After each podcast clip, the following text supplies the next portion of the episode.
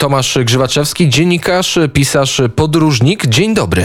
Dzień dobry, witam Państwa serdecznie. I przeniesiemy się na chwilę chociaż myślami w rozmowie do Stanów Zjednoczonych. Biały Dom oficjalnie, oficjalnie ogłosił nominowanie Marka Brzezińskiego do objęcia roli ambasadora USA w Polsce. To ruch, na który czekaliśmy od dawna. Teraz sprawą ma zająć się Senat. Rzeczywiście, już za chwilę prawdopodobnie do Warszawy przybędzie nowy ambasador, którym ma zostać Mark Brzeziński. No postać niewątpliwie nietuzinkowa, nie tylko ze względu na swój dorobek i znajomość Polski, ale również z uwagi na swojego ojca, słynnego politologa, sowietologa Zbigniewa Brzezińskiego, który był doradcą do spraw bezpieczeństwa narodowego demokratycznego prezydenta Jimmy'ego Cartera, który w dużej mierze zapisał się, wydaje się, pozytywnie w historii amerykańskiej polityki. Jest przynajmniej przez dużą część amerykańskich i historyków, i analityków oceniany jako postać, która aktywnie przyczyniła się do pokonania Związku Sowieckiego w trakcie zimnej wojny. Zbigniew Brzeziński między innymi postulował wsparcie dla, dla ruchów demokratycznych w Polsce, dla Solidarności, ale również wsparcie dla mujahedinów walczących w Afganistanie z sowiecką agresją. A zatem Mark Brzeziński no, niewątpliwie dorastał w domu, w którym tematyka związana z wolnością Europy Środkowej, z Polską, z zagrożeniem ze strony Imperium Sowieckiego, dzisiaj rosyjskiego, no, była dyskutowana, była obecna. To niewątpliwie no, musiało wpłynąć na również jego poglądy i jego karierę życiową.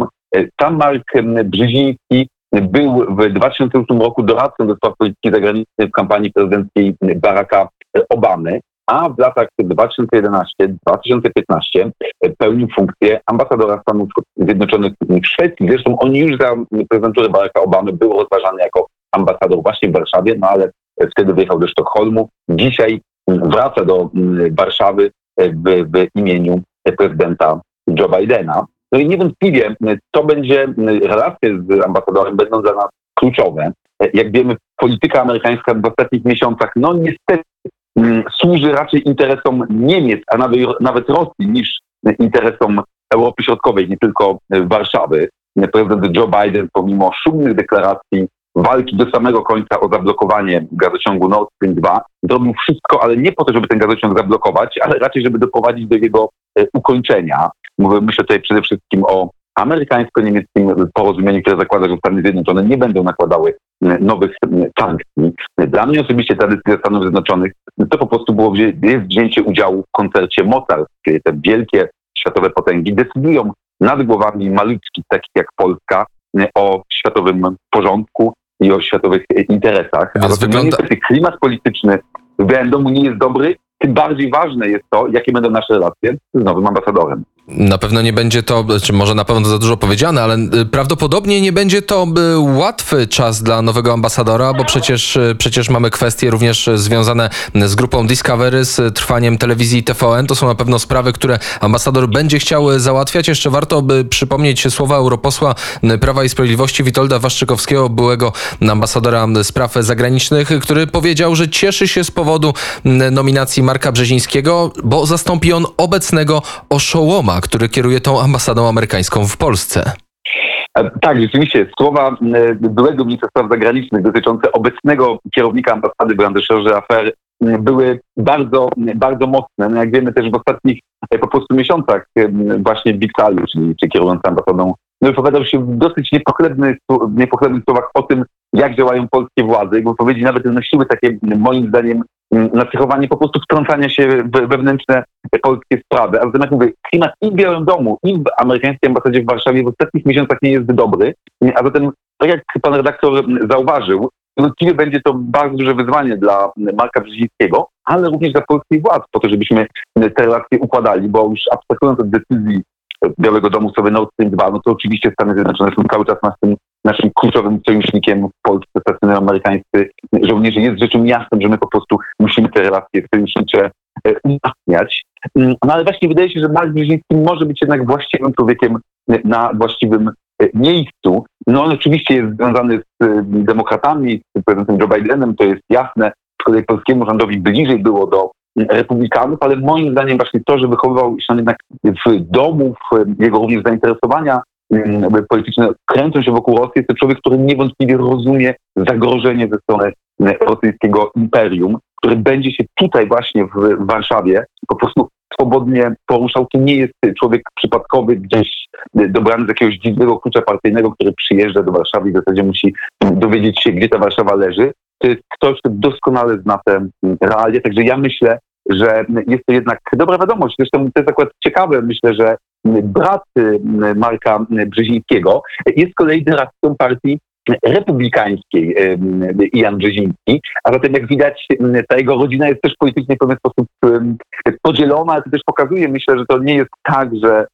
że, że Mark Brzeziński należy do jakiegoś skrajnie lewicowego, lewicowego skrzydła partii, partii demokratów, a zatem ja zgadzam się ze słowami europosła Klauda Beszczykowskiego, że to jest dobry wybór. W podobnym tonie wypowiadał się również Daniel Fried, był ambasador USA w Polsce, który w rozmowie z korespondentem Radia Z z kolei wspominał, że właśnie Mark Brzeziński to najlepszy wybór dla, dla Polski. A zatem miejmy nadzieję, że te takie optymistyczne przewidywania rzeczywiście się potwierdzą i ta nominacja będzie pewnego rodzaju nowym otwarciem, tak jak wspomniałem, kilku trudnych miesiącach w relacjach polsko-amerykańskich. Czy w tym nowym otwarciu może powrócić temat ustawy Jazz, czyli ustawy 447? Pamiętamy, że demokraci, ale republikanie także zabiegają e, o procedowanie tych wydarzeń związanych z ustawą i z restytucją mienia.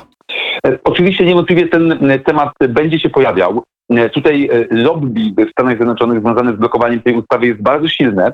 I tak jak pan redaktor powiedział, to dotyczy nie tylko demokratów, ale również e, republikanów. Zresztą akurat ekipa prezydenta Donalda Trumpa była bodajże jedną z najbardziej proizraelskich ekip rządzących e, Stanami w ostatnich e, dekadach, która bardzo mocno postawiła na umacnianie sojuszu z Izraelem, otwarcie wspierała również Izrael w konflikcie z Palestyną. Przypomnę choćby decyzję o przeniesieniu ambasady Stanów Zjednoczonych do Jerozolimy, czyli de facto uznania Jerozolimy za stolicę państwa żydowskiego. Ale to jest taki bardzo trudny odcinek, na którym Polsce trudno jest szukać sojuszników. Ten temat na pewno niewątpliwie będzie podnoszony.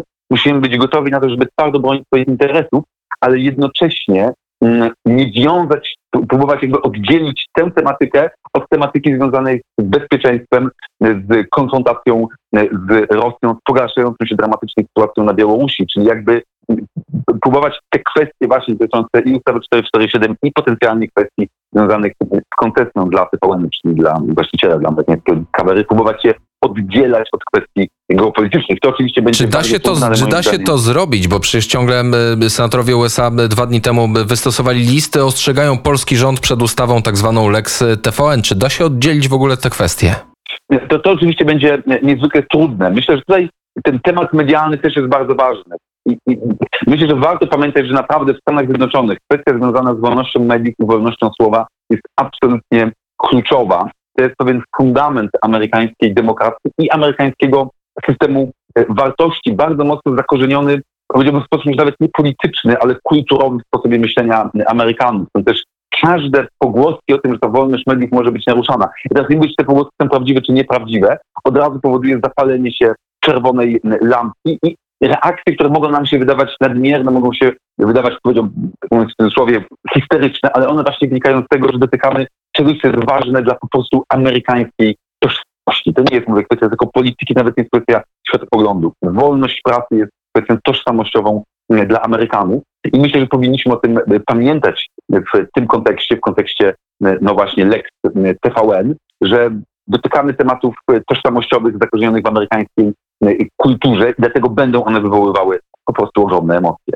I tu postawimy kropkę. Dziękuję serdecznie. Tomasz Grzywaczewski, dziennikarz, pisarz, podróżnik, był gościem Kuriera w samo południe. Dziękuję i do usłyszenia. A możliwe, że będziemy się także łączyć w przyszłym tygodniu, bo wybiera się pan w ciekawe miejsce. Może jeszcze na koniec. W przyszłym tygodniu będę miał przyjemność być w Mołdawii. Jadę tam realizować kolejne odcinki swojego programu telewizyjnego Tomek na granicach, opowiadającego o pograniczach Rzeczypospolitej. Jadę tam się spotkać z Polakami żyjącymi w Mołdawii, bo tam również są nasi rodacy, ale też trochę przyjrzeć się klimatowi politycznemu po zwycięstwie w wyborach parlamentarnych partii obecnej prezydent Mike Sandu po zwycięstwie takich sił prodemokratycznych. Także mam nadzieję, że będziemy mogli się w przyszłym tygodniu usłyszeć z Mołdawii, może ze stolicy z Kiszyniowa. Usłyszymy się z Mołdawii, a my będziemy nadawać z Bydgoszczy. Dziękuję serdecznie. Do usłyszenia. Dzięki, dziękuję. Dobrego dnia.